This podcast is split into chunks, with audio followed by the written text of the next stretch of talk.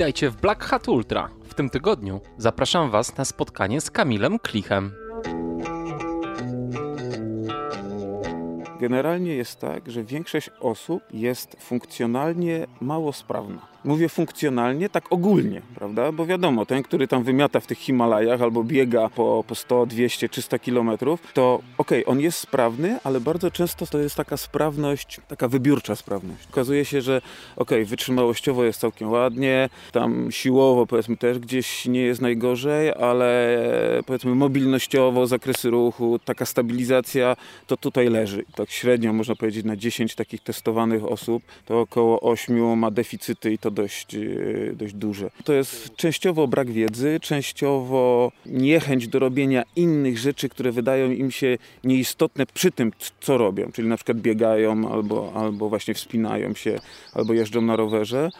Natomiast patrząc tak e, troszkę szerzej, to e, jeśli nie dba się o takie podstawy, to wcześniej czy później dochodzi do kontuzji, dochodzi do przeciążeń i to jest właśnie jakby wtedy postawione pytanie nie czy się coś stanie, tylko kiedy się coś stanie. To na bank.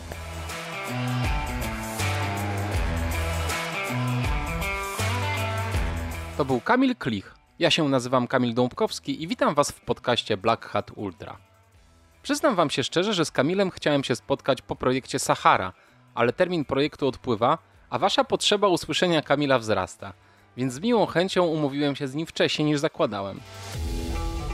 Kamil to niesamowita postać. Jest wziętym fizjoterapeutą, minimalistą, biegaczem naturalnym, który uwielbia długie wyrypy bez wsparcia, jak GSB, lub równie długie, ale trudne technicznie jak Tour de Jean czy Euforia w Andorze. Od kilku miesięcy biega tylko i wyłącznie w sandałach i w duchu minimalizmu oraz filozofii zen przemierza bezdroża wokół Olkusza, a swój dzień zaczyna mocząc się w zimnym bajorze – nad którym właśnie siedzimy. To pierwszy podcast, który nagrałem w plenerze, więc towarzyszą nam dźwięki ptaków i kropiący deszcz. Posłuchajcie.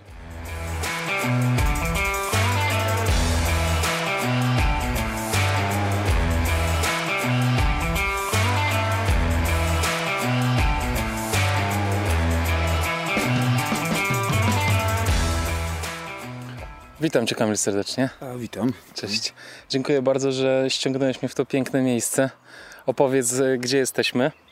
Jesteśmy w Bukownie, dokładnie koło Olkusza, nad e, tak zwanym naszym bajorem, czyli, czyli zalanym, e, zalaną piaskownią, starą piaskownią, zalesioną. No i bardzo takie ciekawe miejsce. I co tutaj robicie? A przyjeżdżamy tutaj cały rok praktycznie i morsujemy, a, a tak e, śmiejemy się, że w ciągu lata to jest bardziej takie bobrowanie, nie morsowanie, tylko bobrowanie. No w każdym razie siedzimy w zimnej wodzie. E, duża grupa jest osób, które się w to bawi? Tak średnio przyjeżdża jakieś pięć osób, natomiast w takich maksymalnych naszych spotkaniach to potrafiło być w granicach 14-15. Aha. I to wszyscy z Olkusza, czy z okolic. Z okolic. Z okolic, mhm. z okolic tak. Fajne, bardzo tak, fajne, klimatyczne miejsce. Ja pier tak. pierwszy raz nagrywam w plenerze i akurat musi padać. No ale widzisz, ale coś e, widocznie tak ma być. E, słuchaj, e, Kamil, to mm, tak sobie pomyślałem, mógłbyś o sobie powiedzieć trzy słowa? Jakbyś siebie określił? Że kim jesteś? O kurczę. Trudne pytanie, co? Trudne pytanie. No Trudne no właśnie. pytanie, tak żeby w trzech słowach określić, kim jestem. Innymi słowy, co jest w Twoim życiu dla Ciebie najważniejsze? Jaką masz skalę priorytetów e, w tym, co robisz, albo może w, w byciu członkiem rodziny? Członkiem rodziny, tak. No to jest, to jest chyba jedno z, jedno z najistotniejszych rzeczy. E, mam, e, mam żonę, mam córkę. E, mam e, dwa psy, no to też, też członkowie rodziny. Oczywiście. Więc, więc tworzymy tam jakąś, jakąś taką naszą fajną grupę. No i myślę, że to jest chyba, to jest chyba dość ważne pod kątem nawet takim, że każdy z nas gdzieś próbuje, próbuje robić coś takiego, takiego fajnego i dobrego dla siebie, ale jakby jedno z drugim się dość i jedno z drugim i z trzecim, czyli ja moja żona, moja córka, gdzieś się to wszystko raczej, raczej, raczej dość dobrze splata, bo dla naszej całej chyba trójki jest dość istotna, nawet bardzo istotne chyba szeroko rozumiana przyroda szeroko rozumiana przyroda, dbanie o tę przyrodę, życie takie w miarę zgodne, no, na ile jesteśmy w stanie, ile potrafimy, ile możemy e, z tą przyrodą i, i takie w miarę świadome życie. Mhm. I to jest tak, że każdy z Was ma inną drogę trochę do tego samego celu? Tak, tak, tak, tak. Trochę inną, ale gdzieś to myślę się splata, bo mhm. No, ja no przede wszystkim to, to, to moje, nazwijmy to, bieganie, tak? tak? bieganie i ten kontakt z przyrodą tutaj, e, to bajoro nasze, na którym tutaj właśnie jesteśmy i, i, i praktycznie codzienne wizyty tutaj e, i obcowanie z tą przyrodą. Moja żona e, i jej, można powiedzieć, dwa, dwa psy, bo to są oczywiście wspólne nasze psy, ale przede wszystkim, przede wszystkim jej i, i codzienne, codzienne jej wizyty w lesie, dwugodzinne, trzygodzinne spacery. Moja córka, która jest taka bardzo mocno teraz e, zaangażowana w taki ten młodzieżowy aktywizm i... Ile ma lat? 15. 15 i, i strajk klimatyczny, młodzieżowy strajk klimatyczny, więc mówię, to się wszystko gdzieś tam, tam nam tak zbiera wspólnie i, i no i jakoś to działa. Fajnie. Greta, Greta jest w porządku, czy nie? Znaczy dla U mnie? was w domu? nie, raczej tak. dla córki? Raczej tak. Znaczy to myślę, że to nie jest jakieś tam e, takie e, bardzo zachłyśnięcie się akurat tak, Gretą i tak, tak, dalej, ale no w porządku. W porządku. W porządku. Słuchaj, e, no właśnie Wspomniałeś o bieganiu, ale chyba przede wszystkim na co dzień to jesteś fizjoterapeutą, prawda? Tak, tak. Zawodowo, zawodowo jestem fizjoterapeutą i w dużej mierze pracuję jako fizjoterapeuta, ale z drugiej strony jestem też trenerem przygotowania motorycznego, zwłaszcza powiedzmy przygotowania motorycznego i zwłaszcza pracuję z ludźmi. Jeśli mówimy o sporcie, no to bardziej właśnie o sportach wytrzymałościowych. Triatloniści, biegacze, e, alpiniści, może nie wspinacze stricte, ale alpiniści, czyli bardziej wyprawy takie górskie, gdzie, gdzie to przygotowanie takie kondycyjno właśnie E, kondycyjno-sprawnościowo jest dość istotne. Mhm. I co lubisz najbardziej w swojej pracy? No bo rozumiem tak, że przychodzą do ciebie, nie wiem, ludzie z nadwagą na przykład, albo przychodzi do ciebie jakiś wymiatacz w Himalajach na przykład. No to wiesz, y, biorąc pod uwagę to spektrum, to y, nad jakimi przypadkami najbardziej lubisz pracować? Tak, y, generalnie patrząc, to w większości przypadków, i to nieważne, czy ktoś jest takim, właśnie jak powiedziałeś, wymiataczem w Himalajach, czy, czy, czy kimś z nowego, generalnie jest tak, że większość osób jest funkcjonalnie mało sprawna. Mówię funkcjonalnie, tak ogólnie, prawda? Bo wiadomo, ten, który tam wymiata w tych Himalajach albo biega, e, biega po, po 100, 200, 300 kilometrów, to okej, okay, on jest sprawny, ale bardzo często są, to jest taka sprawność, taka wybiórcza sprawność. Nie? Okazuje się, że ok, wytrzymałościowo jest całkiem ładnie, e, tam siłowo powiedzmy też gdzieś nie jest najgorzej, ale powiedzmy mobilnościowo, zakresy ruchu, tego typu, jakieś, tego typu rzeczy, jakaś, jakaś e, taka stabilizacja, to tutaj leży i to leży najczęściej u wszystkich. W większości wypadków oczywiście, bo to nie można powiedzieć, że u wszystkich, ale w większości wypadków tak jest. Więc i z taką osobą, i z taką osobą pracuje się dość podobnie. Oczywiście niuanse są, gdzieś to się zmienia, ale, ale pracuje się na podobnych podstawach. Mhm. Jak myślisz, dlaczego tak jest, że ludzie zaniedbują te, te podstawy? No bo de facto to są podstawy takie tak, ruchowe, tak, prawda? Dokładnie, dokładnie. To są takie podstawy ruchowe, jak się okazuje na, na tak średnio można powiedzieć na 10 takich testowanych osób, to około 8 ma deficyty i to dość, e, dość duże. Nie wiem dlaczego. Tak, tak jak z nimi dzieje. rozmawiasz, to, to, to, to, w czym jest problem? Że oni to nie chce im się, że to jest nudne, że nie widzą potrzeby? Może brak im wiedzy po prostu, że powinni no myślę, się że rozwijać tak, że to jest kierunku? częściowo brak wiedzy, częściowo E, częściowo jakby niechęć do robienia innych rzeczy, które wydają im się nieistotne przy, czym, przy tym, co robią, czyli na przykład biegają albo, albo właśnie wspinają się, albo jeżdżą na rowerze.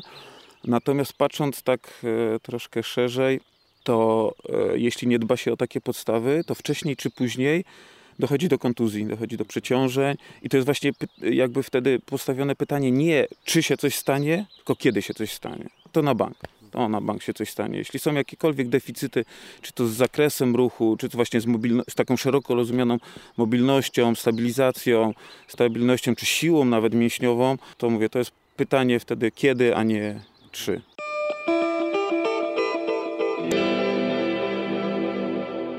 Czy fizjoterapia i bieganie u Ciebie szły równolegle cały czas w, w Twoim życiu, czy... E, znaczy tak, najpierw się zaczęła fizjoterapia generalnie, a, a bieganie, bieganie dopiero, dopiero w pewnym momencie e, w pewnym momencie się włączyło w to wszystko. Czyli Ty byłeś w pełni świadomym już tych problemów biegaczem. Tak, Tak? tak, aczkolwiek e, przerobiłem na sobie chyba wszystkie kontuzje biegowe, jakie, jakie można było. I, I mimo, że właśnie zawodowo wiedziałem o co chodzi, to jednak nie uniknąłem takich, e, takich błędów, no błędów można powiedzieć, to się trzeba do tego przyznać, takich błędów i nowicjusza biegacza i, i może trochę takiego zbyt pewnego siebie fizjoterapeuty, że jak wiem o co chodzi, to mnie się nic nie stanie. No także mówię, cały spektrum, począwszy od problemów z achillesami, przez, przez problemy z piszczelami, przez pasmo biodrowo-piszczelowe, przez problemy z kolanem, no, no, no, wszystko, wszystko, wszystko, wszystko. Ale od pewnego czasu jest w porządku. tak można powiedzieć. No ale jak, jak przechodziłeś przez te problemy, to y, teraz z perspektywy czasu, y, dlaczego one się pojawiały? Czy dlatego właśnie, że nie znajdowałeś czasu na... Tak, Na w takie dużej, ćwiczenia? mierze, w dużej mierze tak. W dużej mierze tak, że skupiałem się jakby za bardzo na bieganiu, na Na bieganiu, bieganiu, jako Tak. takim trenowaniu czysto biegania, a za mało, a za mało czasu na, na, nad wszystkimi innymi rzeczami. A no nie oszukujmy się, jak y, w amatorskim sporcie zwłaszcza, jak nie jesteś zawodowcem, zawodowcem, lepiej przełoży ci się poświęcenie w cudzysłowie jednego treningu czy dwóch treningów biegowych na rzecz ogólnej sprawności, bo tak to możemy nazwać, niż targanie dzień w dzień, dzień w dzień biegania. Naprawdę, efekty są o wiele lepsze i, i, i, kontuz- i antykontuzyjnie, czy przeciwkontuzyjnie i efektywność samego treningu jest o wiele lepsza. A czy uważasz, że tutaj indywidualne podejście też ma znaczenie? To znaczy, że każdy jednak potrzebuje czegoś innego i niektórzy mają tą mo- mobilność e, i stabilizację po prostu silniejszą i nie muszą tego tak ćwiczyć jak pozostali, czy też... Tak, oczywiście, że tak, bo to, to nie da się przyłożyć jakby jednej miary do tego, nie? I powiedzieć, że tak, każdy musi dwa razy w tygodniu przychodzić na godzinę ćwiczeń, absolutnie. Niektórzy mają mobilność, nazwijmy to od urodzenia lepszą, le, lepszą, o którą muszą mniej dbać i wystarczy, że popracują chwilę nad tym, jest w porządku. A, a inni, na przykład taki człowiek jak ja, tak zwany człowiek drewno, który jeśli chwilę nie popracuje nad, nad tą mobilnością, elastycznością, nie porolujesz się, nie, nie, nie, nie będziesz działał jakoś z rozciąganiem, no to momentalnie to się zaczyna przykurszać. Ja mówię, to jest taki tak zwany człowiek drewno. nie? Znam to chyba.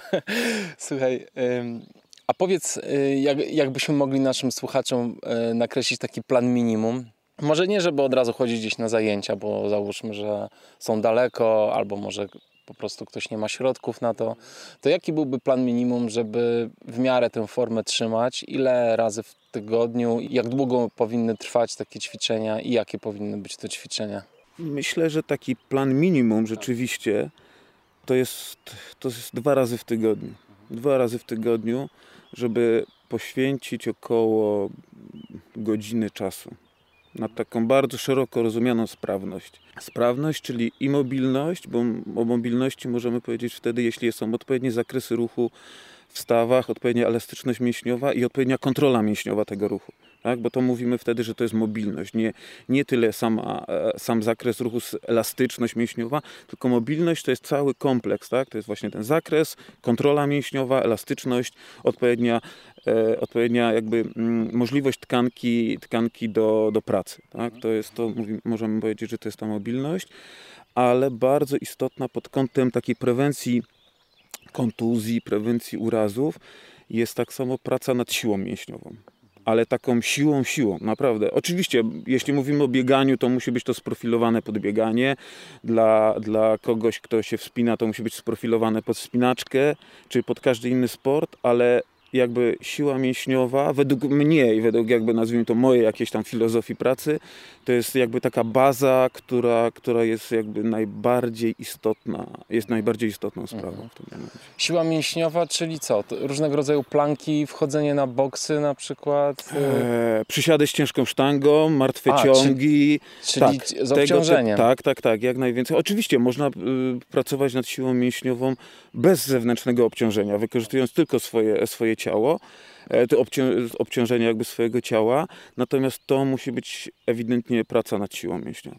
A od czego uzależniasz, czy ktoś ćwiczy z ciężarami, czy bez? Od stopnia zaawansowania? Od stopnia zaawansowania na pewno, od tego, czy ktoś jakby chce ćwiczyć z, ciężar, y, z zewnętrznym ciężarem, tak? Nie każdy, nie każdy to nazwijmy to lubi, a, a jeśli nie lubisz danej rzeczy, którą masz robić, no to nie będziesz jej ani robić chętnie, ani dobrze, ani nie będziesz się angażował w to, więc jeśli nie lubisz tego, to okej, to można to zrobić w, jaki każdy, w każdy inny sposób, ale dalej, dalej bazując na tym, żeby, żeby pracować nad, nad siłą mięśniową. Ja ci mogę powiedzieć mój przykład. Ja pracowałem długo z obciążeniem własnego ciała. Dopiero jak dorzuciłem e, obciążenie, czy Mhm. to przy plankach, czy przy jakichkolwiek Mhm. innych ćwiczeniach, to dopiero y, progres y, ruszył do przodu. Zgadza się, zgadza się, bo e, w każdych ćwiczeniach no, musisz cały czas zwiększać, e, no powiedzmy, obciążenie, czy zwiększać trudność, tak?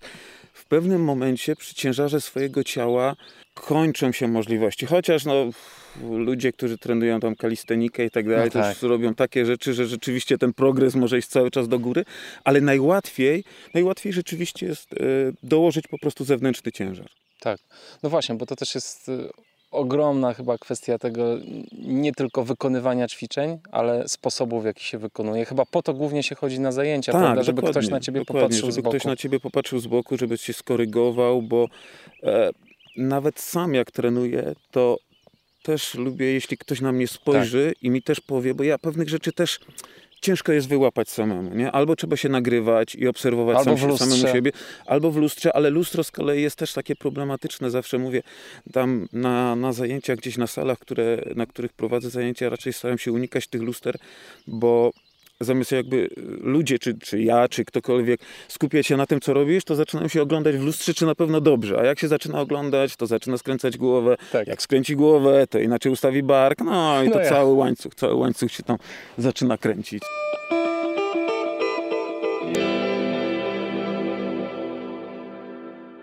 To opowiedzmy trochę o Twoim bieganiu. Jak, y, jak ono się pojawiło? I też zauważyłem, że ostatnio biegasz mniej zawodów przez ostatnie lata. Tak, tak, tak. To Troszkę- opowiedz trochę o swojej drodze biegowej. Jak to wyglądało na Jak to początku? wyglądało? Zaczęło się... E, zawsze jak wszystkim mówię, to się każdy dziwi. No. Zaczęło się od tego, że rzuciłem palenie, rzuciłem papierosy i, i tak sobie mówię, kurczę, coś trzeba znaleźć takiego, co mnie będzie w jakiś sposób odciągało nie? Od, tego, od tego palenia. Nie? Mówię, kurczę, może zaczniemy, zacznę biegać, no to tak jak zacznę znowu palić, to będzie lipa z tym bieganiem, no może się uda, uda w taki sposób. Nie? A że to była któryś jakiś tam kolejna próba rzucania tego palenia, mówię, nie no, no jakoś, jakoś to musi, musimy ogarnąć. Nie? No i tak poszło. No i tak poszło. Zacząłem, zacząłem biegać. Bo na początku to można ciężko powiedzieć, że zacząłem trenować. Tak? No to takie bieganie było nawet kilka razy w tygodniu i dość systematycznie, ale to tam z takim treningiem może nie miało jakby wiele wspólnego. No ale tak to się zaczęło. Tak to się zaczęło. Zacząłem, zacząłem biegać coraz więcej. Oczywiście zaczęły się pojawiać gdzieś te kontuzje jakieś, o których tam wcześniej mówiłem, ale to się udawało ogarniać. I no A i kiedy to było mniej więcej? Który to był rok? jakieś 10 lat temu. No, mniej więcej myślę 10 lat temu. No i zacząłem coś tam troszeczkę pobiegiwać.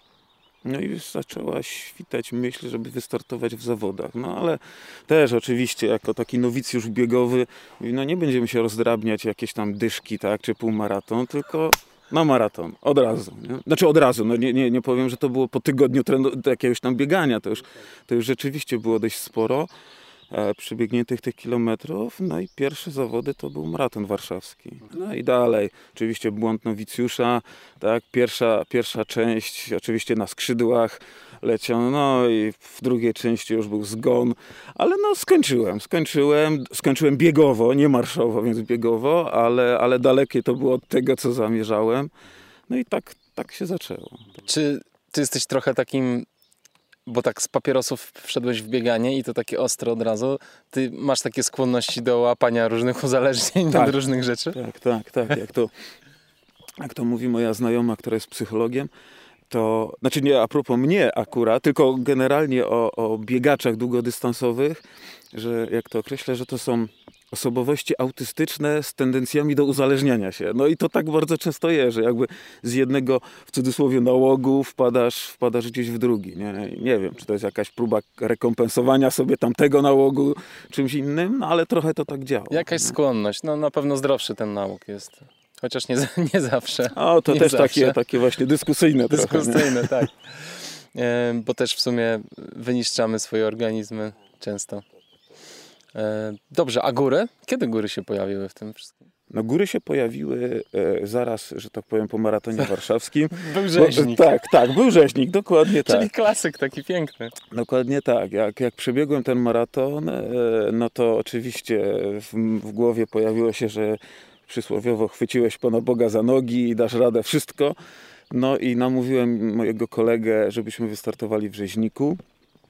Dał się namówić. To były jeszcze te czasy rzeźnika, że e, udało nam się chyba zapisać, nie wiem, dwa tygodnie przed zawodami, nie? bo jeszcze, jeszcze, były, jeszcze były miejsca. Znaleźliśmy nawet nocleg w Cisnej wtedy. Wow. No, tak bez problemu. No mówię, to jeszcze te czasy naprawdę bardzo dawne. No i co? No i wystartowaliśmy w tym rzeźniku. Ledwo doczłapaliśmy w limicie czasu. Nie wiem, tak nas to tam zmaltretowało.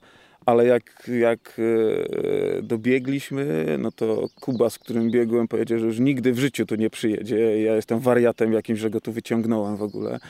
A, a mnie po prostu oczy się zaświeciły jak e, przysłowiowe pięciozłotówki i mówiłem tak, tak, tak sobie powiedziałem, że to jest to. To jest właśnie to. No i tak to poszło. I co? I wtedy zacząłeś jakoś trenować już to bieganie? Tak poważniej? E, wiesz to dalej powiedzmy to nie był taki trening, trening. Mhm. Nie biegałem rzeczywiście coraz więcej, i, i, i, ale to było mało tak sprofilowane pod te góry. Chociaż no, no, udawało się coraz lepiej to, mm, coraz więcej, coraz lepiej biegać. Ale tak to się zaczęło rozkręcać powoli. No właśnie, potem zacząłeś zwiększać dystanse i zacząłeś lubić bardzo takie Tak, wyzwania tak, tak, typu takie dłuższe Boot wtedy. Challenge albo, albo bieg siedmiu szczytów, Tak jest. albo GSB, z- potem na końcu y, z Rafałem. Tak. I co, powiedz, lubisz najbardziej właśnie te, te długie, duże wyzwania biegowe?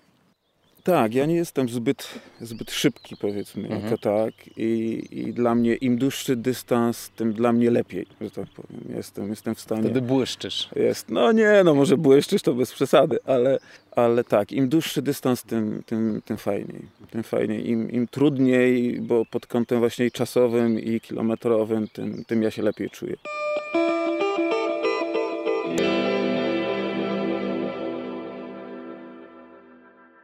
Kamil, a opowiedz słowo o Twojej przyjaźni, znajomości z Rafałem Bielawą, bo zrobiliście bardzo fajny projekt, razem pobiegliście GSB.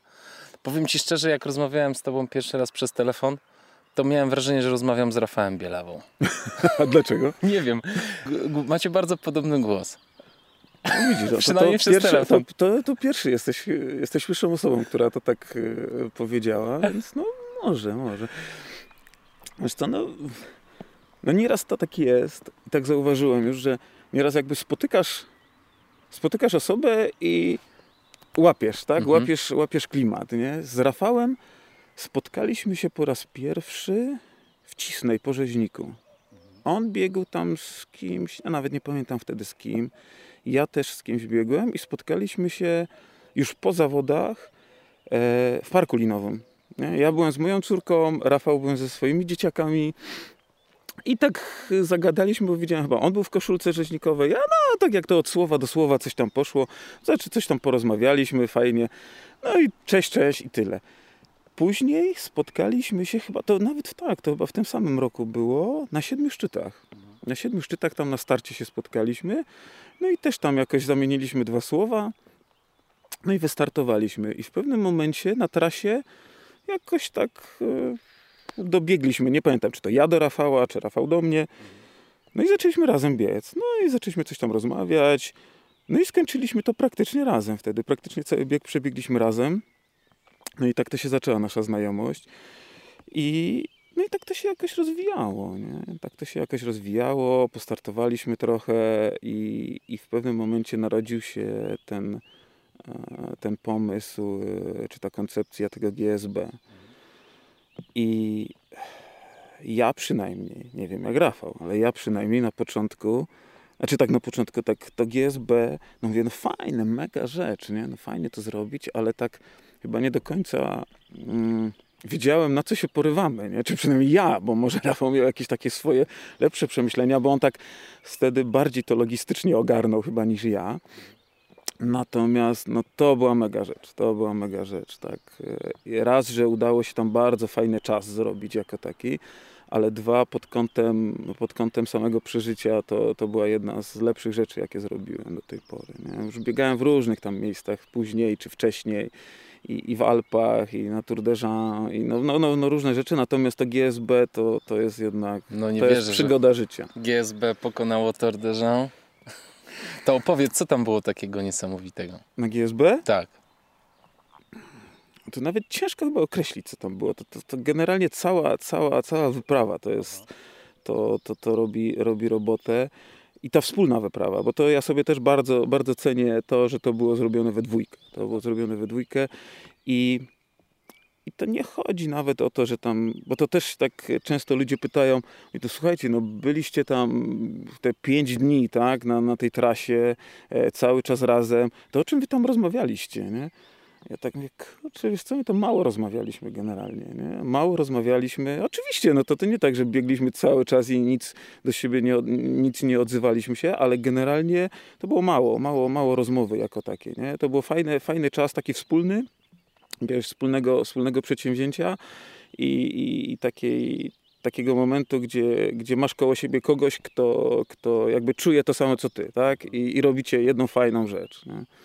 Także no to, to było mega. No GSB to takie, nie wiem, może takie bardzo górnolotne określenie, ale to takie mistyczne przeżycie. Nie? Mistyczne przeżycie ze względu na, na, na, to, na to zmęczenie, na ten brak snu, yy, na ten wysiłek, który tam był, nie? który się w to włożyło i no mega sprawa. A każdemu polecam, każdemu polecam.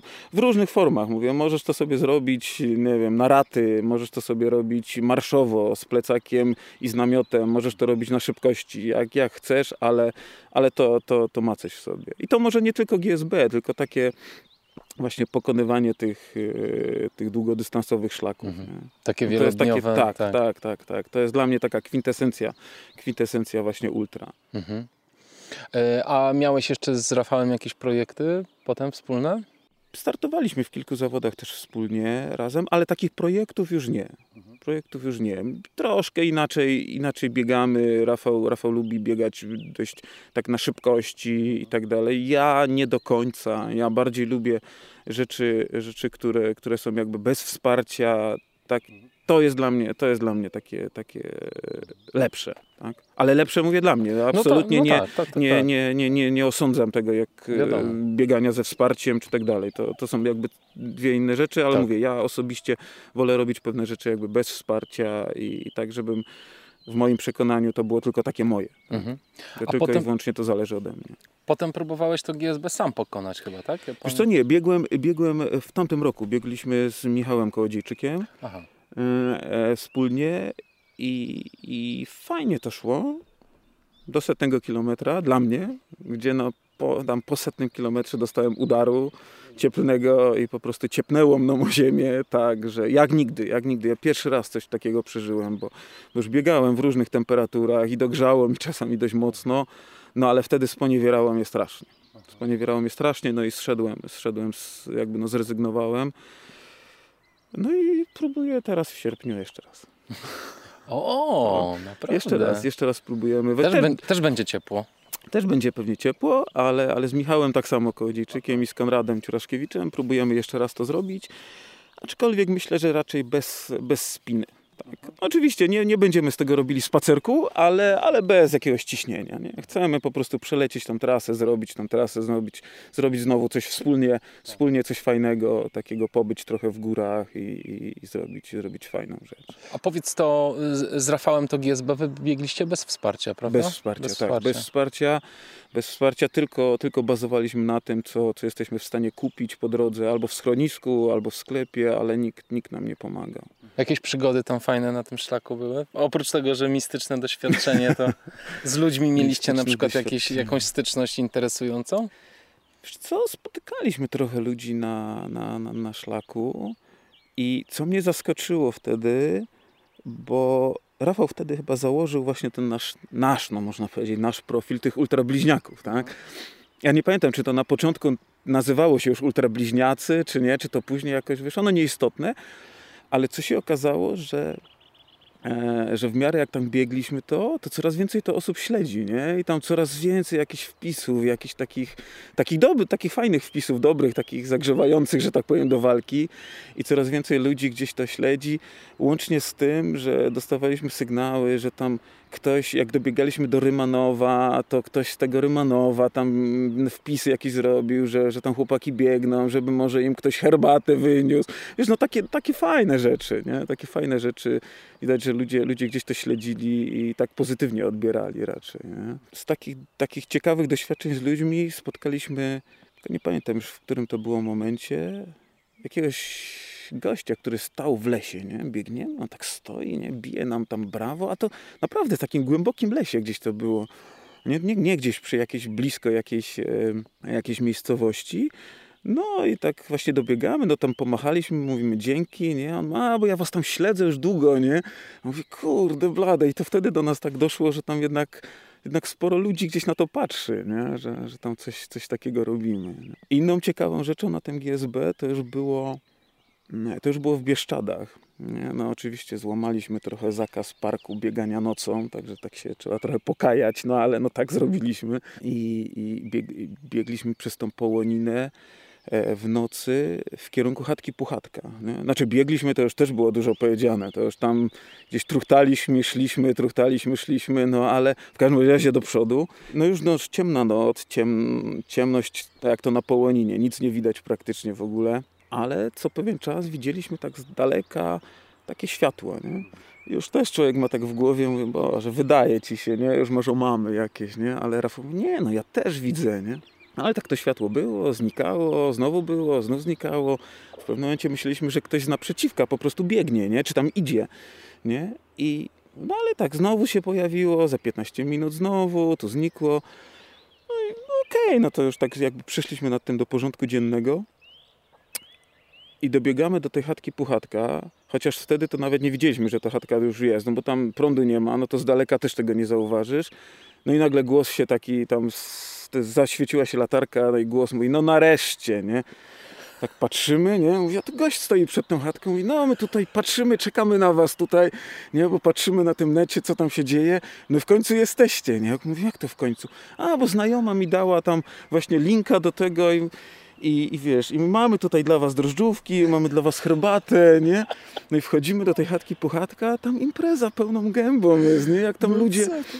Tylko wiesz, to ludzie, którzy, którzy tam normalnie jakby nocują, nie? Aha. Ale tam już jakaś tam, jakiś alkohol się tam pewnie pojawił i tak, bo już tacy wesoli byli, nie? Ale na, napchali nas tymi drożdżówkami, napoili nas herbatą, wypchali dalej, nie? Także takie, takie ciekawe rzeczy się tam zdarzały na tym.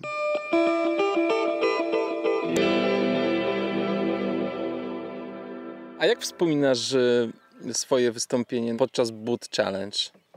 Bo to co roku są troszeczkę inaczej te zawody wyglądają. Czy tam też mógłbyś porównać to do tego GSB? Czy tak, też było tak, takie to można, można myślę porównać do GSB, bo to jest właśnie taka, e, taka fajna, fajna praca e, sportowa, bo mówię, tam jest wszystko zależne od ciebie. Tak? Mówię, wszystko zależne od ciebie, nie masz supportu, czy, czy w pewnych momentach nawet był dozwolony support, tak, że ktoś ci mógł pomagać, ale ja zawsze, ja przynajmniej biegłem zawsze bez supportu, tylko, tylko na, bazowałem, mówię, na tym, co miałem ze sobą, co, co mogłem kupić w sklepie, co mogłem kupić w schronisku i, i to jest, mówię, to jest taka, taka kwintesencja tak, dla mnie tego, tego, tego wszystkiego, tego wysiłku w górach, nie?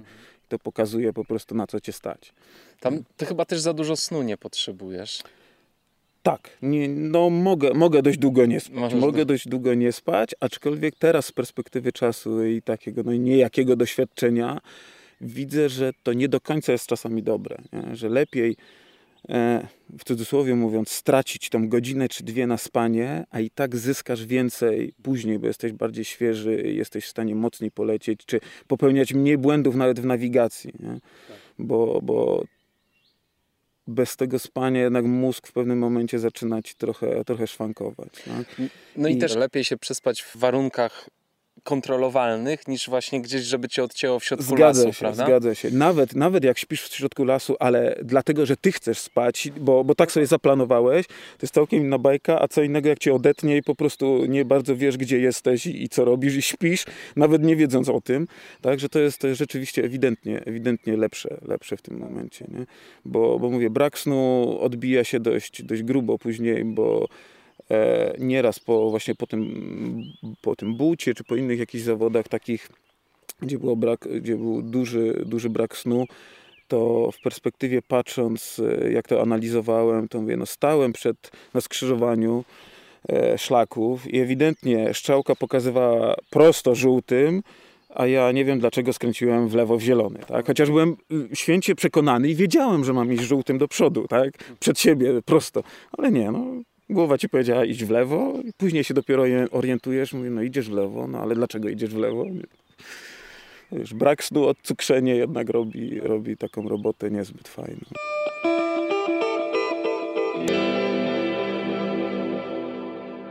No właśnie liczyłem na to, że ta Sahara się uda. No ja liczę nadal, że ona się uda. Może się tylko, uda, tak? Tylko no mamy się. wstępnie, wstępnie przesuniętą ją na listopad. No zobaczymy co do tego listopada no, w związku z całą tą sytuacją Tak. i u nas i na świecie, jak to będzie, czy będą loty, czy będzie można wylecieć. A opowiedz trochę o tym projekcie, na czym on polega? Czy też będzie polegał? Yy, mamy w założeniu to, że chcemy przebiec przez e, Saharę około 100 mil. Taką pętelkę mamy zrobioną, a dokładnie taki fajny trójkąt, który bardzo ładnie na mapie wygląda, jako takie trzy ładne proste linie e, zakręcające. Natomiast na pewno to nie będzie po, po linii prostej, bo chcemy to przebiec w takim sercu Sahary, e, tam gdzie są tylko wydmy i nic więcej więc trzeba będzie gdzieś pewnie coś obiegać, na, na, na pewne wydmy można wbiec, na któreś nie, więc to trzeba będzie gdzieś tam omijać. No myślę, że będzie ciekawie. Myślę, że będzie ciekawie. No wstępnie będziemy to biegli z Rafałem i z Rafałem Bielawą i z Piotrkiem Hercogiem. Będziemy mieli cały support z, z Joniec Team e, z dwoma samochodami terenowymi, które, które nas będą supportować. I cały czas po piachu, czy... Cały czas po piachu. O wow, No właśnie to jest, to jest jakby cały taki widz tego wszystkiego, że tak. nie ma, nie ma żadnej tam e, żadnej skalistej pustyni, tylko, tylko i wyłącznie piach. Tylko, piach. tylko wydmy, tylko piach. I... To jest wyzwanie, lubicie się tam chłopcy docisnąć troszkę. Projekt super, no i nie wiem czy ktoś, e, oczywiście no, biegają e, mara, maraton piasków, Tak, ale maraton piasku. No z tego, co się właśnie orientowaliśmy, to jeszcze w taki sposób i tam nikt nie biegał w tym. No więc chcemy też sprawdzić, czy to się w ogóle da zrobić. No w założeniu mówię, w założeniu dystans nie jest jakiś w cudzysłowie zabójczy, bo, bo biegaliśmy, każdy z nas biegał już dłuższe dystanse, natomiast nie w takim terenie. No, nie w takim terenie, nie na takim podłożu.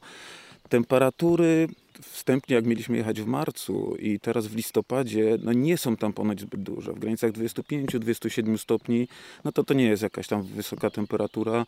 W ciągu nocy spada w okolicach tam 3-4 stopni do zera maksymalnie, więc to też nie jest jakieś, jakiś dramat, no ale, no ale ten piach, no zobaczymy Tak, co no. na tym piachu będzie. Nie? e, widziałem, że trenowaliście w różnych e, miejscach bieganie po piachu. Tak, tak. Gdzie tak. to było? Pustynia Siedlecka. Pustynia Siedlecka, bo tam jest są dwie, no dwie pustynie w Polsce. Nie? Pustynia Siedlecka, taka, nie jest to duża, ale taka, taka rzeczywiście mocno piaskowa, z taką wielką wydmą.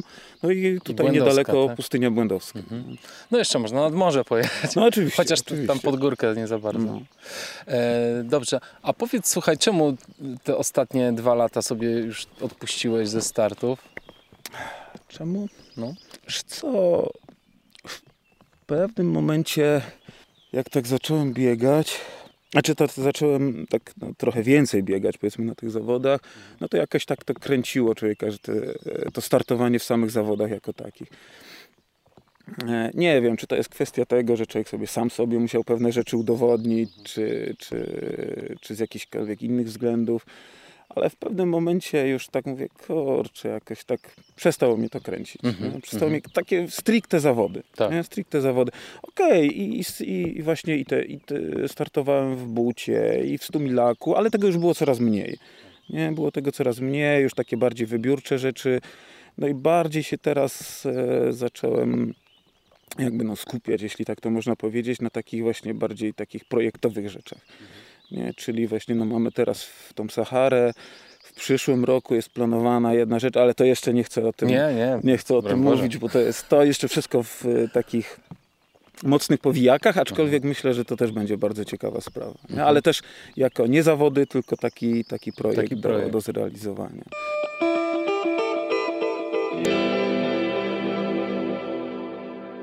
A skoro nie biegasz zawodów, to twoje bieganie teraz jak wygląda? O, teraz to ja chyba biegam treningowo najwięcej od, od, e, odkąd zacząłem biegać. Nie? Także ja nigdy nie miałem jakiegoś większego problemu do, wiesz, do mobilizacji się do, do trenowania. Ja, ja lubię trenować. Ja lubię trenować i nawet jakbym chyba nie startował w zawodach jakikolwiek czegoś, to, to dla mnie to absolutnie nie jest, nie jest żaden, żaden problem czy, czy, czy mm, zmuszanie się do treningu. Nie? Ja lubię ruch, lubię ćwiczyć, lubię trenować, więc nawet bez zawodów jestem w stanie to robić. To ile mniej więcej kilometrów na przykład tygodniowo biegasz? I czy robisz jakieś interwały, czy to są bardziej wycieczki biegowe? Wiesz co, tak teraz około 100 km biegam. 100, 110 czasami, chociaż rzadko. 4, 5, czasami 6 treningach w tygodniu biegowych i w zależności od tego, ile mam treningów biegowych, tak uzupełniam to treningami tam siłowymi, powiedzmy, czy takimi crossfitowymi, no ale już, już powiedzmy siłowymi. Tak, także bardzo często mam praktycznie 7 dni treningowych w tygodniu. No, spoko. A jak się regenerujesz? Tak po prostu? Nad bajorą. Nad bajorą Tak, moczę się w zimnej wodzie. Im, e, im zimniejsza woda, tym, tym fajniej. I to rzeczywiście jest dość, dość dobra regeneracja dla mnie. No, Pilnuję, pilnuję diety, a może diety to dużo powiedziane, pilnuję jakiegoś takiego rozsądnego, rozsądnego odżywiania, o, jako, jako tak. Ale jakoś kalorii nie liczysz za nie, bardzo. Nie, nie liczę, nie liczę, nie, nie, absolutnie nie liczę, tylko kontroluję wagę. Jak widzę, że waga jest w normie, no to wszystko w porządku. Jak zaczyna za bardzo spadać, no to trzeba doładować trochę więcej jedzenia. Raczej nie mam problemu z tym, że ona zaczyna rosnąć. Nie? To, ale tylko mówię, no jest pod kontrolą, ale, ale raczej problemu do góry to, No to tak, nie. no bo jak urośnie, to potem wiesz, e, pierwszy projekt i od razu, Tak, i od razu spada. odpracujesz to, prawda? Pytałeś, czy, czy Tak. te treningi interwałowe? Wiesz co, tak, dużo, bo, bo e, ja sam sobie nie rozpisuję treningu. Tu, tu mam trenera, który, który tego pilnuje, bo zauważyłem, że jeśli sam sobie rozpisywałem pewne rzeczy, czy tam próbowałem ustalać, to zawsze była tendencja do przeciągnięcia albo w jedną, albo w drugą stronę. Albo zamulałem się strasznie kilometrami i, i tylko sobie tak klepałem. No to, to też było ciekawe i fajne i miłe, ale to mówię, to było takie zamulanie nogi, a jak nie, to przeginałem z kolei w drugą stronę, tak? Że praktycznie co chwila było na, na, na pełnym gazie i to się zajeżdżałem sam, sam, sam siebie. A jak ktoś ci, tak mówię, spojrzy na to tak z zewnątrz, nie? Tak rozsądnie i z zewnętrznej strony, to, to, to jest to tak myślę bardziej, bardziej sensowne. absolutnie. Przynajmniej u mnie, nie? Coś- Bo może ktoś, kto, kto inny jest w stanie sobie to sam gdzieś bardziej kontrolować. Nie? No ale jest, jest to trudne. Trenowanie się samemu no, jest trudne. Zwłaszcza jeśli masz jakieś oczywiście cele. No, No, to, jest, to nie jest łatwe.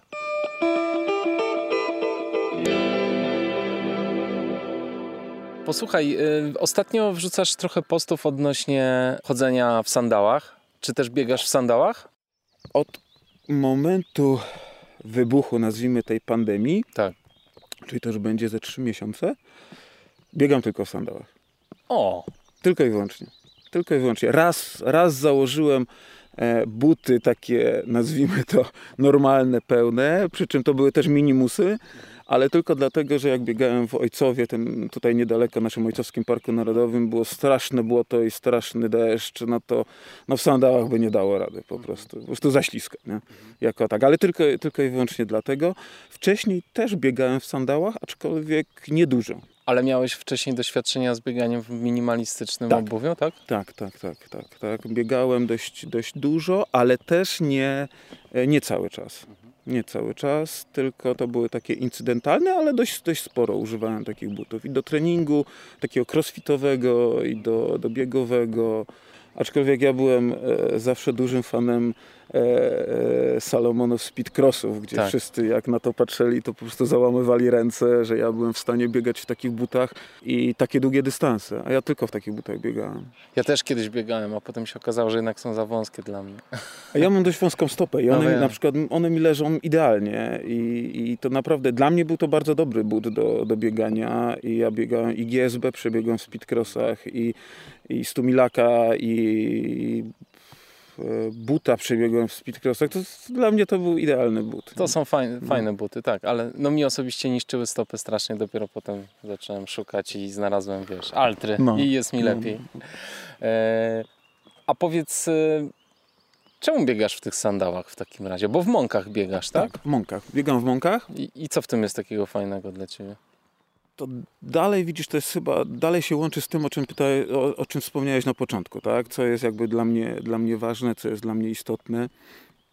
E, no to właśnie ta natura, tak? To natura, ale natura chyba tak rozumiana w takim szerszym mm, kontekście, jak im bardziej naturalnie, tym lepiej. Według mnie oczywiście, ja nie twierdzę, że to jest jedyna słuszna prawda, tak? Ale, ale, ale w- według takiej mojej filozofii mówię, im bardziej naturalnie, tym lepiej. A w sandał to jest jak najbardziej naturalne. Tak? On cię tylko chroni ci podeszwę stopy od tego, żeby powiedzmy nie uszkodzić jej na, na kamieniu, na szkle, na, na korzeniu, a reszta no to już tylko ty. Tak? Tylko ty, tylko twoja, twoje ciało, twoja stopa, twoje nogi, które są przygotowane albo nie do tego. I to... No, tylko kwestia dobrego dopasowania tego sandału, prawda? Żeby on się nie przesuwał Ci pod Tak, to jest Tak, tak, tak, to oczywiście, To to, oczywiście, ale na początku biegałem bez tych dodatkowych pasków. Tak. Natomiast jak e, w cudzysłowie odkryłem te dodatkowe paski, to był po prostu przeskok e, ewidentny. O, widzisz, to naprawdę to trzyma, trzyma idealnie stopę. Muszę Jak do na początku gdzieś ta stopa potrafiła się trochę przesuwać w tym sandale, na zbiegach, na takich mocniejszych biegach, szybszych, takie te dodatkowe paski jednak robią robotę. Mhm. A na bosaka zdarza Ci się biegać? Bosaka? Tak, tak, bardzo często, bardzo często na, na koniec treningu, na taki cool down, to, to biegam na bosaka. Biegam całkowicie buty, ściągam sandały i biegam, biegam na boso. A czy myślisz, że są przypadki, gdzie ludzie nie powinni jednak biegać w taki naturalny sposób? Mają tak ukształtowane ciało przez swoje życie, przez, nie wiem, za dużo siedzenia albo cokolwiek, że, że, że nie powinni jednak i powinni mieć amortyzację? Znaczy na pewno, na pewno jest tak, że niektórzy ludzie, którzy e, przez x czasu swojego życia nie robili dużo fizycznie, prawda, czegokolwiek fizycznie, to y, nie będą w stanie w nich biegać, tak? Nie będą, a może inaczej, nie będą w nich w stanie biegać od razu. Ale moim zdaniem nie ma osoby takiej, która nie byłaby w stanie mm, w krótszym, tudzież w dłuższym albo bardzo długim czasie, ale przestawić się na takie buty. Tak? To jest tylko i wyłącznie według mnie kwestia wytrenowania.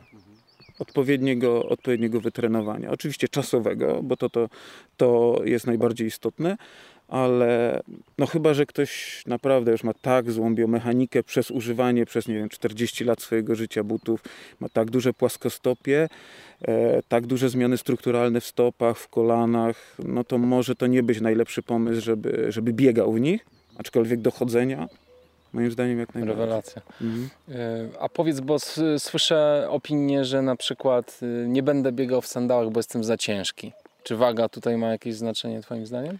Jeśli biegasz dobrze biomechanicznie, Tak. to nie, absolutnie. Nie ma znaczenia, czy ty y, ważysz 60 kg, czy 100 kg.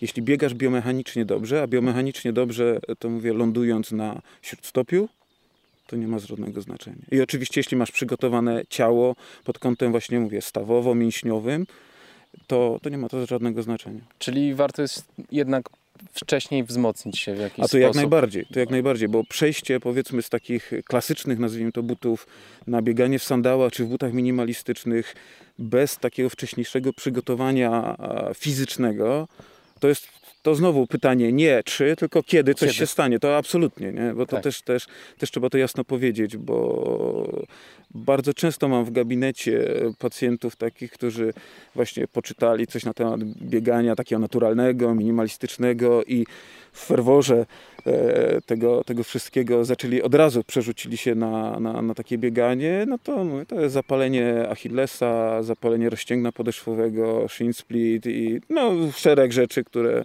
mówię, pojawiają się i to jest tylko kwestia czasu, kiedy się pojawią. A Kamil, powiedz mi, a czym jest dla ciebie minimalizm?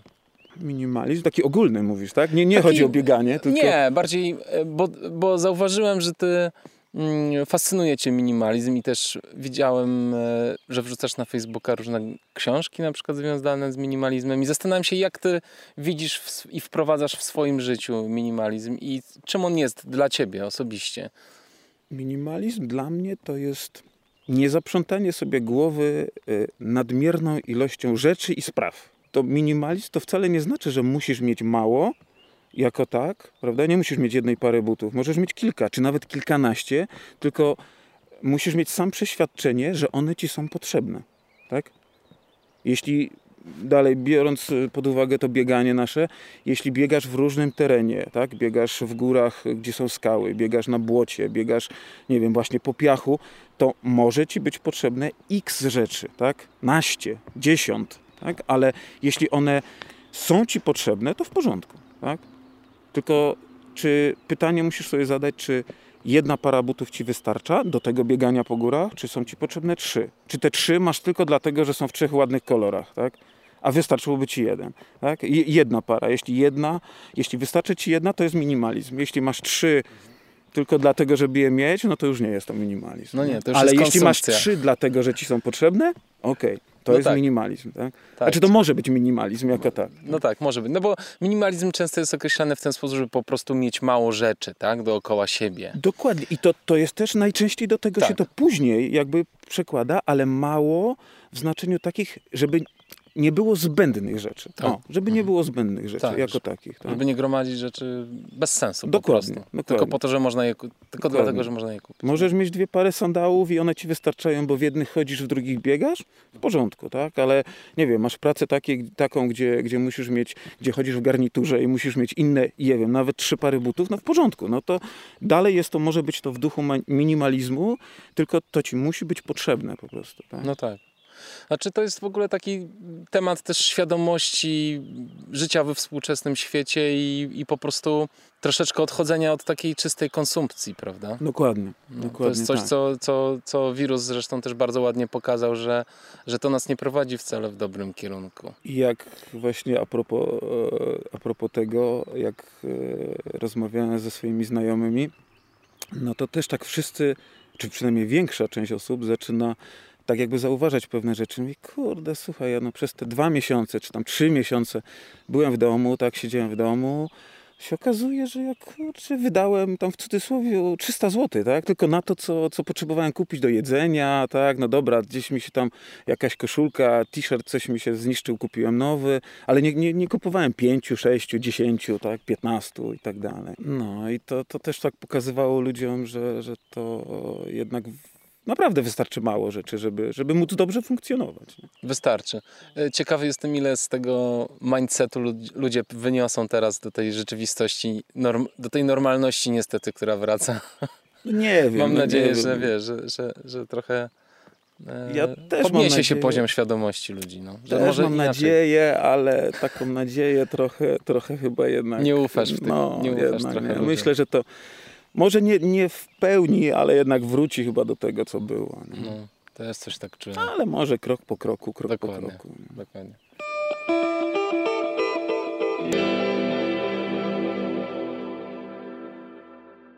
Jakie zawody najmilej wspominasz ze swojej kariery? Które ci przyniosły największą satysfakcję pod względem sportowym? Ciężko powiedzieć, wiesz, ja, ja bardzo mam duży sentyment do rzeźnika, bo, Mhm. bo to były pierwsze takie zawody, które robiłem, takie, takie długie i tu mam, tu mam e, duży, duży sentyment. Często startowałem w tym rzeźniku e, i tam też się fajne jakieś miejsca udawało, udawało zajmować. Natomiast duże zadowolenie to był też dobry start w siedmiu szczytach. Mhm. I tam chyba bodajże chyba trzecie miejsce kiedyś udało mi się, udało mi się zająć. E, i z tego byłem bardzo zadowolony. Znaczy nadal jestem zadowolony, chociaż teraz patrząc z perspektywy na tych nowych wyników, to to nie był jakiś tam czas mega, tak? No, bardzo fajny i dla mnie nadal, nadal jestem z tego, z tego zadowolony i w pewnym sensie dumny, ale, ale widać już teraz, teraz poziom się podnosi dość mocno. No i, to, i słusznie. No. no nie, oczywiście, że tak, oczywiście, mhm. że tak. Naturalnie. E, ale i, jednak bardzo sobie cenię wszystkie, wszystkie starty w butach właśnie mhm. tych Beskidy Ultra Trial, to jest, mówię, to jest taka taki, taki creme de la creme według mm -hmm, mnie. Nie? Mm -hmm. Stumilaki, stumilaki tak samo, to bardzo ciężkie zawody. Mimo, że dystans no, tych 100 mil to nie jest jakiś zabójczy, jako kilometrowy, aczkolwiek teren jest bardzo ciężki. Teren jest bardzo ciężki w tych Beskidach i Michał jak, jak z, z wykombinuje trasę, to po prostu to no jest masakra. Widzę, że, że, jesteś fanem y, tras Michała Tak, ale to, bo to jest, mówię, to, to, to są ciężkie zawody po prostu. To są ciężkie zawody i nawet jak są krótkie, w cudzysłowie krótkie, to, to jest mega ciężka sprawa. A to jest fajne, to jest właśnie fajne, to jest fajne, że, że ma być ciężko, po prostu generalnie ma być ciężko. No z innych zawodów, no to tak jak wspominałem, ten, ten Tour de Jean, to, to też była przygoda, przygoda życia powiedzmy i te, te 300 ponad, tam bodajże 330 kilometrów przez Alpy, nie? no to jest też mega rzecz, mega rzecz, bo jesteś w górach przez, ja nie pamiętam ile to wtedy mi zajęło, 120 godzin chyba, no mega sprawa, mega sprawa. Tak, też są oczywiście te punkty, gdzie możesz się przespać i tak dalej, ale, ale no tam też musisz mocno bazować na tym, na tym swoim przygotowaniu i umiejętności. No może przeżycia to jest dużo powiedziane, tak, ale organizowania się, bo tam są naprawdę wysokie góry. Tak. Nie? Tam są naprawdę wysokie góry. E, I, i, I tam e, masz pewną świadomość, że wiesz, wleziesz na szczyt i tak obracasz się w jedną, tylko góry, tak? Obracasz się w drugą, znowu tylko góry i wiesz, że jakby cokolwiek ci się stało, to zanim tam ktokolwiek do ciebie dotrze, to minie sporo czasu, nie? I to ci pokazuje, że jednak trzeba się mocno pilnować, nie? Że to nie można iść na żywioł i, i trzeba, trzeba mocno nieraz się zastanowić, czy, czy na pewno iść, czy, na pewno, czy nie lepiej odpocząć, czy, czy jesteś w stanie dalej dotrzeć do tego, do tego punktu, czy jednak się przespać no trzeba mocno się pilnować. I to podobne, podobne, podobne odczucia miałem tak samo jak, jak z Michałem Kołodziejczykiem polecieliśmy do Andory na zawody, na Euforię. To też piękna nazwa zawodów, Euforia. 200 chyba 30 kilometrów, jeśli dobrze pamiętam, ale w takiej formule Oczywiście jest, są punkty kontrolne i takie punkty ze wsparciem i, i, i punkty, gdzie masz tam swoje, te swoje rzeczy, ale te punkty są co 50, co 60 kilometrów. Oh wow. Nie? Więc tam też musisz mocno, mocno bazować na tym, co masz ze sobą, na, na tym, żeby umieć sobie znaleźć wodę w górach, nie? Żeby, żeby z tych strumieni móc korzystać teren w Andorze jest po prostu piekielnie trudny. To jest, to jeszcze czegoś takiego nie przeżyłem nigdy. No, sponiewierało nas tam no, no, dramatycznie, po prostu dramatycznie. Co było trudnego w tym terenie? Tam powyżej chyba, nie wiem, nie pamiętam, dwóch czy dwóch i pół tysiąca metrów, mhm. czy dwóch tysięcy, to praktycznie nie ma ścieżek. Tam wszystko idziesz na rympał taki, nie? I, Serio? Znaczy są takie ścieżynki, ale to nie jest taki szlak, jak jest u nas w Tatrach nawet wysoko, nie? Takie pewnie co zwierzęta zostawiają no, ale no, bardziej, tak, to, tak? tak to wygląda, że to jest mhm. taka ścieżka wydeptana przez kozice, mhm. nie? I, I teren jest tak cholernie trudny i, i te piargi, które tam są, te, te zbiegi, y, które zapadają ci się nogi w ten w te, taki, taki piarg po kolana, nie? Albo e, albo takie, takie wykroty skalne i tam, tam już się śmialiśmy w pewnym momencie, że jak dobiegaliśmy do miejsca, a no i tam trasa nie jest w ogóle oznaczona. Tam biegasz tylko Serio? i wyłącznie na, na GPS-ie, jakiego masz. Albo znasz trasę mhm. i biegasz na tym, co znasz, albo biegasz na GPS-ie i tam trasa w ogóle nie jest oznaczona. E, I ten główny dyrektor zawodów, Gerard, e, to tak się śmialiśmy, że to jest e, połączenie, nie wiem, sadysty z, nawet nie wiem z czym, z, czy z kim, że jak się dało zrobić tylko ciężki wariant, to mogłeś być pewien, że to tam, tamtędy pobiegnie, nie? ta trasa. I dobiegaliśmy nieraz do miejsc, gdzie tak się nachylałeś nad no, przepaścią, może nie, ale nad takim zboczem i tak się zastanawiałeś, tutaj nie, niemożliwe, nie? I tak patrzyłeś na GPS-a, Mówisz, kurde, tutaj, nie? Tędy, nie? Tędy trzeba biec. No, no masakra, masakra. Ale też moim zdaniem jedne z lepszych zawodów, jakie, jakie, jakie były, nie? Czy, no były, bo już teraz niestety już, No już jest e, no, zawieszone, są zawieszone te zawody. No właśnie ciekawe, nie rozumiem trochę tej No ja też decyzji, nie do końca, ale ale, no, no na razie są zawieszone. może no i- odpoczną i... Może, może i, i, wrócą, i Wrócą. do tego. No bardzo bym chciał, bo chciałbym tam jeszcze raz polecieć. Byłem Mhm. tam dwa razy i dwa razy nie ukończyłem, co, co jest straszną zadrą w moim Domyślam e, takim się. biegowym sercu, ale, ale absolutnie chciałbym tam wrócić i jeszcze raz to próbować. Tam pewnie jeszcze dosyć wysoko się biegnie, prawda? Tak, tak, tam dość y, wychodzisz na ponad 3000 chyba Mhm, najmniej. No i to mhm. grubo chyba ponad 3000 na niektóre, na niektóre ścieżki, na niektóre szczyty, ale teren piękny. I tam też podobnie jak w Alpach właśnie, że jak staniesz, to tak widzisz, że trzeba się pilnować, bo, Mhm. bo w którą stronę nie spojrzysz, to nie ma osady, nie ma miejsca, nie ma schroniska i tak dalej. A ciężko jest się dostać na ten bieg? Wiesz co, na euforię nie. Na euforię tam przynajmniej do tej pory nie było jakoś, jakoś ciężko. Chyba nawet nie pamiętam, nie pamiętam dokładnie, czy tam były jakieś kwalifikacje. Mhm. Chyba coś się tam wysyłało, jakieś w Mhm. jakich biegach uczestniczyłeś i tak dalej, ale, Mhm. Ale tam było mało przypadkowych osób. Mhm. To jest naprawdę na tyle ciężki bieg, że e, i też na tyle jeszcze mało powiedzmy znany, że to tak tylko wśród w cudzysłowie koneserów, tak? No tak, takich tak. na tym, że to, to, to wymaga naprawdę przygotowania ogromnego. Mhm. I naprawdę takiego mocno siłowego też przygotowania. A jak u Ciebie z nawigacją jest w terenie?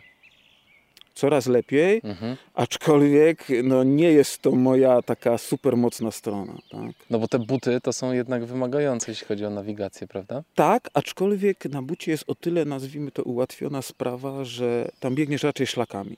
Okej. Nie? Raczej szlakami. Oczywiście gdzieś się zdarzają przyloty takie, które, które idą ścieżkami nie, nie szlakowymi, ale to jest, to jest, nie jest to jakoś tam bardzo ciężko do ogarnięcia. Nie?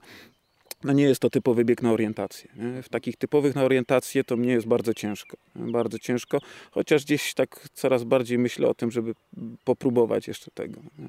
Ale to raczej bardziej pod kątem w cudzysłowie treningowym orientacji w terenie, niż żeby walczyć tam mocno, bo, bo, bo, bo raczej nie, nie, nie powalczę na, na orientacji. To jak widziałem, jak startowałem kiedyś w Kieracie, jak tam chłopaki i dziewczyny, którzy tam startują stricte na orientację, to, to mega wymiatacze. Nie? Biegnie na pełnej prędkości, patrzy w mapę, skręca w, w chaszcze, wylatuje w innym miejscu. Nie, no to jest jakieś w ogóle dla mnie nie do pojęcia. Nie? Ale myślę, że to można by popróbować troszeczkę. Nie? Zwłaszcza właśnie biorąc pod uwagę te rzeczy, które, które gdzieś tam chcę robić, nie? właśnie to bieganie takie, takie samodzielne, bez, bez oznaczeń, żeby się umieć, umieć łatwiej znaleźć w terenie. No właśnie, bo to, to zamiłowanie do natury też powoduje, że fajnie byłoby ją lepiej znać i rozumieć, tak, tak, prawda? oczywiście. I, I rzeczywiście umiejętność czytania terenu jest nie, niezwykle ważna, ale okazuje się w praniu, że to jest bardzo trudne. Ciężkie, bardzo ciężkie, bardzo ciężkie. Znaczy, no mówię, bardzo ciężkie, natomiast myślę jak wszystko do wytrenowania. Tak, nie? Do absolutnie. wytrenowania, tylko no, trzeba, trzeba to robić. Trzeba, Trzeba biegać czas. z mapą, trzeba biegać z kompasem, trzeba umieć się znajdywać, znajdywać właśnie w lesie, w górach i tak Mhm.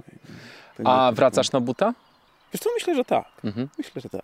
Myślę, że wrócę. Bo, tam, Myślę, wrócę. bo tam te dystanse coraz są bardziej wydłużane. Tak, tak, Ostatnio tak, było tak, 300. fajnie, Tak, no. Ale 300 niezaliczone, tak? Nikt nie Tak, ukończył. nikt nie ukończył i teraz też właśnie było na tym bucie ostatnim, że tam jednak dużo, dużo było jednak poza trasą, poza szlakiem. Nie? I to Tak. też jest automatycznie już o wiele cięższe. Tylko, że jeśli masz z kolei GPS-a, no to on cię tam poprowadzi trochę.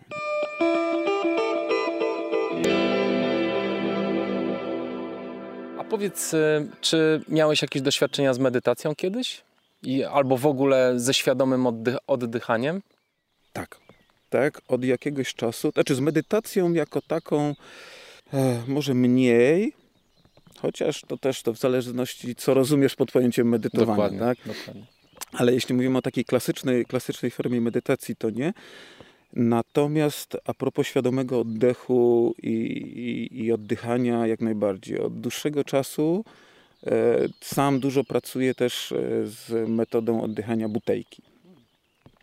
Gdzie tam się w bardzo dużym stopniu zwraca właśnie na świadomy oddech, na, na oddech, oddychanie przez nos, na duży, e, jest tam wiele, wiele ćwiczeń, no tak to można powiedzieć, wiele ćwiczeń e, na wstrzymanym oddechu, na bezdechu.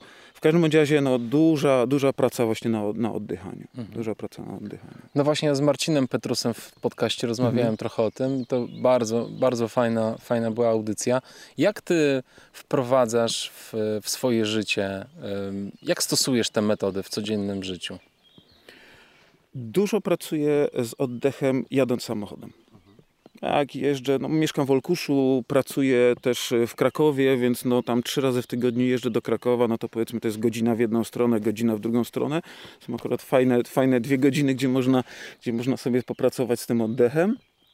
E, I, i, i tutaj, tutaj staram się dużo robić. Ale mam nadzieję, że wstrzymania oddechu nie robisz. Nie, robię, robię wstrzymanie, ale nie, nie do granic, nie do granic jakichś takich, które mogłyby w jakikolwiek sposób zagrozić tej jeździe, tak? Natomiast no to, to, jest, to jest ta praca z oddechem w samochodzie. Dużo staram się też pracować oddechowo e, na, na treningach. Tak? Jak mam, nazwijmy to takie luźne, luźne bieganie, czyli tam wszystko, wszystko w tlenie, jakieś dłuższe, dłuższe wycieczki, no to praktycznie staram się oddychać jak najwięcej tylko i wyłącznie nosem. Jak na początku było to bardzo ciężkie, tak teraz już udaje się bardzo często cały trening przelecieć gdzieś na tym nosie. Na tam tak zwanym, na, na nosie, tak? Biegasz na nosie, czyli oddychając tylko i wyłącznie nosem. No to szacunek. Nie, ale to mówię, To to, to, oczywiście to tylko, tylko na niskiej intensywności, Tak. bo na wysokiej intensywności to też nie ma za bardzo sensu, jakby ze względu na to, że no to jest jakby inny cel treningu, tak? Żeby rzeczywiście na dużej intensywności popracować, gdzie masz robić interwały, ciężkie podbiegi i tak dalej, no to żeby zrobić ten trening jakościowo dobry, no to nie możesz oddychać nosem, bo nie dostarczysz takiej ilości tlenu, tak? Tak. No, no nos ma, chociażby, chociażbyś nie wiem jaką miał dużą wydolność, to, to jednak e, nos ma za mały przepływ, e, przepuszczalność tego, tej ilości tego, tego powietrza, żeby, żeby dostarczyć odpowiednią, Tak. odpowiednią Co prawda, wiesz, no taki Scott Jurek uważał, że biega tylko na nosie, wiesz, te Western Statesy swoje, ale nie wiem. ile No, to... no to też, to też tak, wiesz. To, jeśli, jeśli nie masz, mówię, e, jeśli nawet oddychasz nosem, ale masz otwarte usta, to zawsze, zawsze gdzieś ta część tego powietrza idzie, nie? To musiałbyś mieć zalepione plastrem mm, usta i, i wtedy próbować. Czy masz w ciągu dnia stosujesz jakieś rytuały? Tak, przyjeżdżam nad Bajoro. Coś jeszcze? Przyjeżdżam nad Bajoro e, i jeśli tylko dam radę, to praktycznie przyjeżdżam codziennie i to jest taki rytuał, który, no w cudzysłowie rytuał, który, który jakby rozpoczyna dzień. Tak? Mhm. Najczęściej tutaj jesteśmy, jestem sam czy ze znajomymi, którzy, którzy też przyjeżdżają w granicach 6-7 i to, to, to rozpoczyna dzień. Nie? Jako, A właśnie, tak. czy stosujesz na przykład jakiś, jakąś technikę oddechową, żeby przed wejściem do, mm, do jeziora? Bo na przykład na pewno znasz Wima Hofa, Tak, tak, Prawda? tak, tak, tak. który, oczywiście. który dużo wytrzymuje w lodzie czasem Zgadza się. i on to właśnie głównie robi oddechem. Czy ty też na przykład wspomagasz się w E, ten nie. sposób? Ja akurat tutaj, tutaj nie, chociaż y, ta metoda Wima Hofa jest bardzo, nazwijmy to, fajna, ciekawa i na pewno, na pewno warta uwagi, ale to trochę nie mój klimat akurat. Bo i czytałem, i też próbowałem, ale mówię, to, to trochę nie mój klimat, ale mówię osobiście, tak? Znam wiele osób, które e, praktykuje jakby ten sposób y, pracy z oddechem i, i z zimnem i są bardzo zadowoleni, mają bardzo fajne efekty, ale mówię, to akurat nie, mój, nie, nie, moja, nie moja bajka. Jaką książkę czytasz teraz? Jaką książkę? Po raz tam piąty czy szósty wróciłem do tych trzech filarów zen. A, No, no, to bardzo ciekawa, bardzo fajna książka. Ta- ale w ogóle filozofia zen jest, jest z tobą od jakiegoś czasu już w życiu? Tak, nie tak stricte mm, ortodoksyjnie bym Tak. powiedział, ale dużo, dużo rzeczy tam się zgadza z tym nawet, co, co tak wewnętrznie czuję. Mhm. Co... I jakie to są rzeczy na przykład? A, Ja jestem generalnie takim mm, człowiekiem, który, no może nie cholerykiem, bo to za dużo powiedziane, tak? ale, ale często gęsto się potrafię e, denerwować na, na rzeczy, które niepotrzebnie się na nie denerwuje. Tak? I, i, I ten taki, ta filozofia e, tego spokoju w zen jako taka jest mi bardzo, znaczy bliska, do czego staram się dążyć. O, jako tak. No myślę, że to chyba, tak, taki generalnie spokój i takie dystansowanie się do pewnych rzeczy. Chociaż to dopiero od pewnego czasu złapałem, jakby o co chodzi. Czego jest to kwestia? Na jakiej zasadzie łapiesz ten spokój? To jest y, wyrobienia pewnego stosunku do rzeczy, które cię spotykają w życiu? Tak, tak, myślę, że tak. Myślę, że tak. Myślę, że tak, że, że jakby też oczywiście po wielu jakichś swoich tam błędach, przemyśleniach yy, człowiek jakby dochodzi do wniosku, znaczy mówię pod swoim kątem, Tak. yy, dochodzę do wniosku, że jakby nie ma sensu się nieraz denerwować czy, czy przejmować rzeczami, zwłaszcza takimi, na które nie masz za bardzo wpływu. Nie? Tak.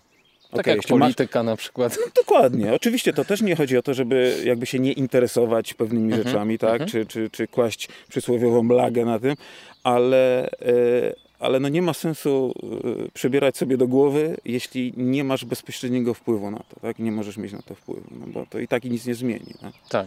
w tym momencie. Zazwyczaj chyba i tak jest y, tak w życiu, że jak czujesz jakąś potrzebę posiadania wpływu na coś, to gdzieś znajdujesz na to i czas, i energię, i wtedy to jest twoje. Znaczy tak, czujesz, dokładnie, dokładnie tak. czujesz że możesz coś zmienić, czujesz, że potrzebujesz coś zmienić i, i działać w tym temacie. A jak Czy przynajmniej może się starać coś zrobić, prawda? Tak, Jako- tak, nawet, możesz się starać. Może nawet i bez wpływu, ale jak się starasz coś zmienić, no to, to, to może mieć swój, swój, swój sens Tak, jakby. Nie? Tak, właśnie. Także rzeczywiście denerwowanie się rzeczami, na które nie masz wpływu, albo po prostu nie chcesz mieć wpływu, bo to taka jest prawda. Ty wybierasz Dokładnie, nie tak, mieć na to wpływu, Tak, dokładnie, no bo dokładnie, bo to no, no, no nie wszystkim musisz się zajmować, tak, Tak, jako, tak. jako, jako takim. Tak. Chociaż myślę, że nad tą polityką to w ten czy w inny sposób zawsze cię to dotyka. Nie? no niestety, niestety. Więc, więc też tego nie można tak puścić całkowicie płazem. nie? Tak, no i, i, są, i są niby te wybory, tak? No więc troszkę się trzeba No zainteresować, nie, żeby... no trzeba, trzeba. Moim Mhm. zdaniem trzeba, no bo to, to też, też, żeby mieć jakiś nawet pośredni wpływ na jakieś tam właśnie rzeczy, no, no, no trzeba, czy powinno się może, trzeba to też niedobrze, ale powinno się jednak, jednak Tak. coś, coś z tym zrobić. Tak? Tak. No Według to, własnego uznania oczywiście, bo to też każdy ma swoje, ale jakieś, jakieś wybory i, i preferencje, no ale no, żeby coś, coś próbować z tym robić. Nie? no według uznania, ale z drugiej strony, wiesz, wybór jest bardzo ograniczony. No tak, No niby niestety. Tak, tak. Niestety, jest nam narzucony i, i tutaj nie mamy za dużego pola do popisu. No nic, Kamil, dziękuję Ci serdecznie za rozmowę i za to, Ja że mnie również. zaprosiłeś na to piękne jeziorko. Bardzo to jest uroczo, naprawdę. No to bardzo się cieszę. będę tak przyje- jak, jak gdzieś w pobliżu to zapraszamy. No. My tutaj jesteśmy praktycznie codziennie, więc... Ja sporo jeżdżę, wiesz, po, po kraju i, i tak jak z Tobą spotykam się z różnymi ludźmi, więc no fajna, bardzo fajna miejscówka i super się tu spało na parkingu. Zapraszamy. Dziękuję serdecznie, trzymaj Dzięki, się. dziękuję. Dziękuję.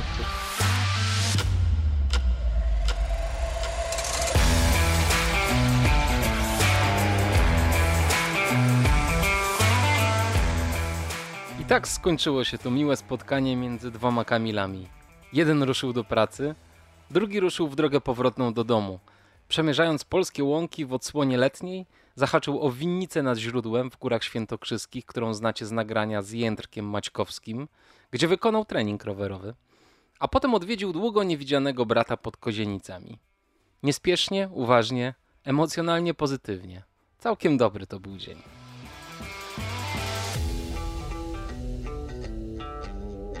Dziękuję serdecznie za wysłuchanie tego podcastu. Jeżeli podoba Wam się to, co robię, gorąco namawiam do wsparcia podcastu finansowo na patronite.pl ukośnik Black Hat Ultra. Jedynym finansowym źródłem wsparcia tego podcastu jesteście Wy, słuchacze. I bardzo doceniam każdy wkład. A najniższy próg wsparcia to tylko 5 zł, więc nie ma na co czekać. Dokładny link znajdziecie w opisie odcinka.